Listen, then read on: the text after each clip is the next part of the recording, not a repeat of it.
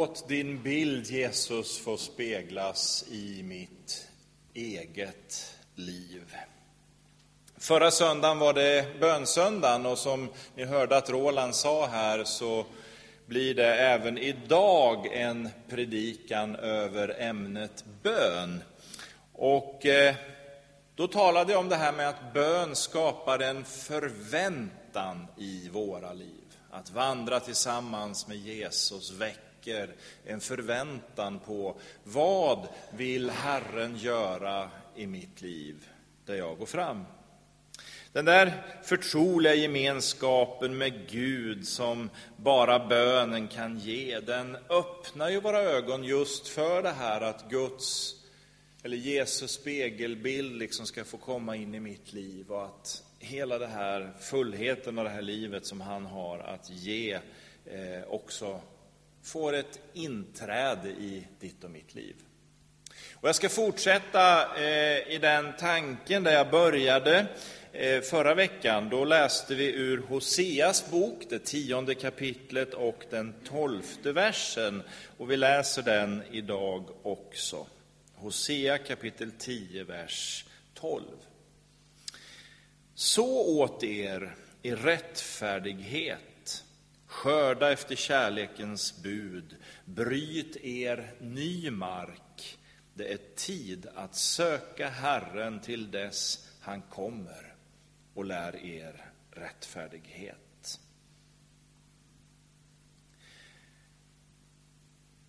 Du som var med förra veckan kanske minns att jag citerade Augustinus som talade om bön och sa att sann överlåten bön är inte något annat än kärlek.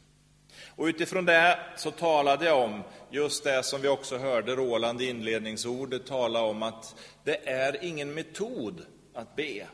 Det handlar inte om att få ur sig rätt typ av ord eller rätt mängd ord eller på rätt sätt. Bön handlar om att vara tillsammans med Herren. Bön handlar om relation. Bön är en mötesplats. Därför skapar bönen en förväntan i våra liv och det blir som Hosea säger, det är tid att söka Herren. Det är tid att söka Herren till dess att han låter rättfärdighet regna över er. Och i den tanken så landar vi i det som egentligen är predikotexten idag ifrån Johannes evangeliet kapitel 2, vers 13 och framåt. Judarnas påsk närmade sig och Jesus gick upp till Jerusalem i templet fann han dem som sålde oxar, får och duvor och sådana som satt där och växlade pengar. Då gjorde han en piska av rep och drev ut allesammans ur templet med deras får och oxar. Han slog ut penningväxlarnas mynt och välte omkull deras bord. Och till dem som sålde duvor sa han, ta bort det här. Gör inte min faders hus till en saluhall. Hans lärjungar kom då ihåg det som stod skrivet. Iver för ditt hus skall förtära mig. Lärjungarna som stod och bevittnade det här som hände hade ju all anledning att fundera över Jesu angrepp. Så kommer de ihåg lite längre fram just det här som vi läser de sista orden, det som profeten David en gång hade talat om. Nitälskan för ditt hus skall förtära mig. Och någonstans tror jag att det är viktigt att vi i överförd mening får en någorlunda förståelse för hur Jesus ser på oss människor. Och för att få den bilden och förståelsen så kan vi backa lite till Sackeus. Ni vet den här korta lilla publikanen som klättrade upp i mullbärsfikonträdet för att se Jesus. Och för att riktigt illustrera sin position kommer Jesus och står nedanför denne hatade och illa omtyckte man och säger Skynda dig ned, Sackeus, för idag måste jag få gästa ditt hus. Den här obetvingliga kärleken hos Jesus, som trots pöben och människornas onda blickar där de stod och såg Jesus, ändå säger, idag måste jag få gästa ditt hus. Det spelar ingen roll vad du har med dig i ditt bagage. Det spelar ingen roll vad människorna här säger om dig. För nu handlar det om vad Gud vill. Och Gud vill gemenskap. Den obetvingliga kärleken. Den som gjorde att Jesus grät över Jerusalem. Det som gjorde att tillståndet i landet grep hans hjärta. Och när Jesus nu driver ut månglarna ur templet så är det fråga om någonting som är mycket större än att han bara kör iväg ett antal profithungriga köpmän som inte brydde sig ett dugg om den allsmäktige och evige. Den här förtärande nitälskan som fyllde Jesu hjärta vittnar om att han till varje pris är beredd att göra vad som krävs för att återlösa en förlorad mänsklighet. Därför handlar den här händelsen på tempelplatsen också om mig och om dig och oss som är här idag. Det är våra liv som Jesus har för ögonen när han driver ut köpmännen från tempelplatsen. För det handlar ytterst om hans vilja att rena våra hjärtan. Och målet i detta var ett enda. Att hela den förstörda relationen som var mellan människan och Gud, att införliva henne i gemenskapen med Gud. Saknaden av Gud här i världen skulle bytas mot ett liv i hopp om en kommande gudsgemenskap. Därför säger Paulus också, nu har ni genom Jesu blod blivit införlivad i det nya livets gemenskap. Och Johannes fortsätter med orden, se vilken kärlek Fadern har skänkt oss, att vi får kallas Guds barn. Ett nytt liv. En ny relation. Jesus förkunnar att himmelriket har kommit till världen med honom. Och i gemenskap med Jesus får vi ett hopp om en framtid. Det eviga livet föds genom Jesus i våra hjärtan och våra liv blir en boning där Guds ande flyttar in. Därför säger Paulus rakt ut, vet ni inte att ni är ett Guds tempel? För den helige Ande, Guds ande, bor i er. Och där har vi parallellen till när Jesus träder in på tempelplatsen.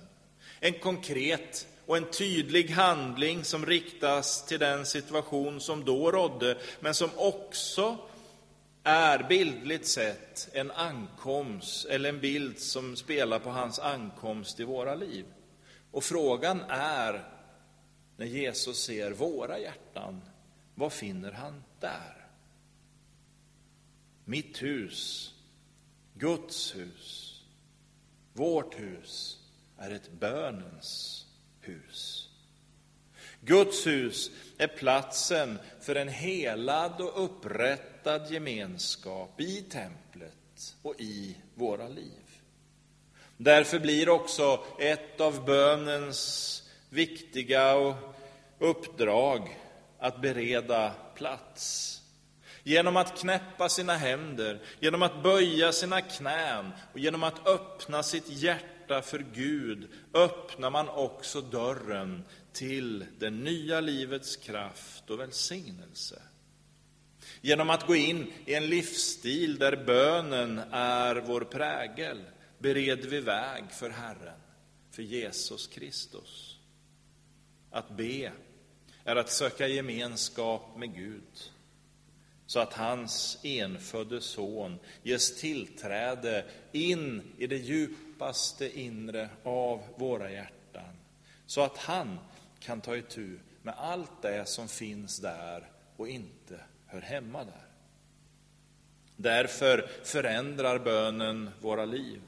Bönen fördjupar relationen till Fadern, som då fyller våra liv med Andens närvaro. Detta efter att Jesus får rena oss från allt det som hindrat honom och hans helighet.